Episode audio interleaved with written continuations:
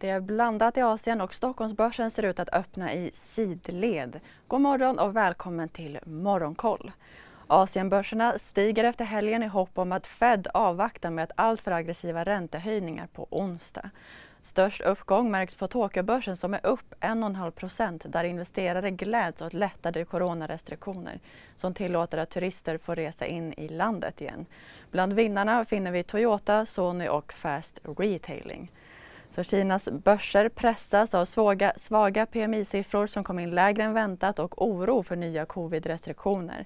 Shanghai backar runt 1 och Shenzhen handlas runt nollan. Hongkongbörsen handlas upp runt en halv procent där spelaktier återhämtade sig efter nyheterna om ett e-visumsystem för kinesiska invånare som reser till Macao.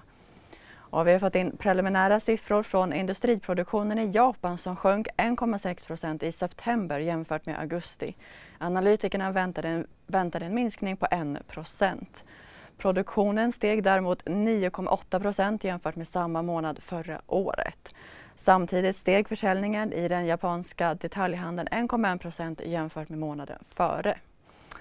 Och vi ska också nämna att vetepriserna stiger efter att Ryssland dragit sig ur FN-avtalet som tillåter ukrainskt spannmål att passera Svarta havet tills vidare. Även majsterminerna klättrar enligt Reuters. Så vidare till USA. Vi är specialister på det vi gör, precis som du. Därför försäkrar vi på Swedea bara småföretag, som ditt. För oss är små företag alltid större än stora och vår företagsförsäkring anpassar sig helt efter firmans förutsättningar. Gå in på swedea.se företag och jämför själv. Där räntorna handlas på högre nivåer medan dollarn stärks något mot yenen. Och börserna i USA lyfte i slutet av förra veckan och Dow Jones steg för fjärde veckan i rad. Rapporterna strömmade in och lyfte gjorde Apple och Intel i den pressade techsektorn samtidigt som Amazon föll. Och vi går över till Brasilien där vänsterledaren Lula da Silva tog hem valsegern med 50,9 procent av rösterna mot högernationalisten Jair Bolsonaros 49,1 procent. Och vi avslutar i Sverige där rapportperioden lugnat ner sig och idag öppnar medicinteknikbolaget Kulinea sina böcker och även balkongtillverkaren Balco där aktien är ner 65 procent hittills i år. Och investeraren Håkan Ros har köpt 300 000 aktier i medicinteknikbolaget Adlife där han är styrelseledamot och storägare för 30 miljoner kronor. Det framgår av Finansinspektionens insynsregister.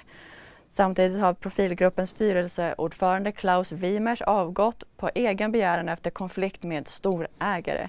Ny ordförande kommer att väljas vid en extra bolagsstämma under dagen. Och idag håller vi också ett extra öga på euroområdets inflationsutfall för oktober efter negativa överraskningar förra veckan. Det var allt för nu. Vi är tillbaka med Börsmorgon kvart i nio. Ha en fin dag.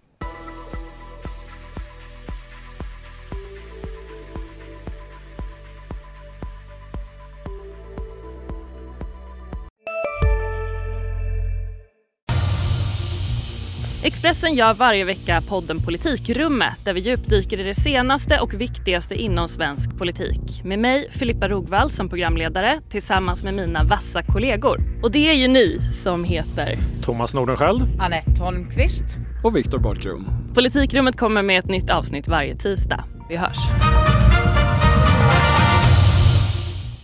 Hej, Synoptik här. Hos oss får du hjälp med att ta hand om din ögonhälsa. Med vår synundersökning kan vi upptäcka både synförändringar och tecken på vanliga ögonsjukdomar. Boka tid på synoptik.se.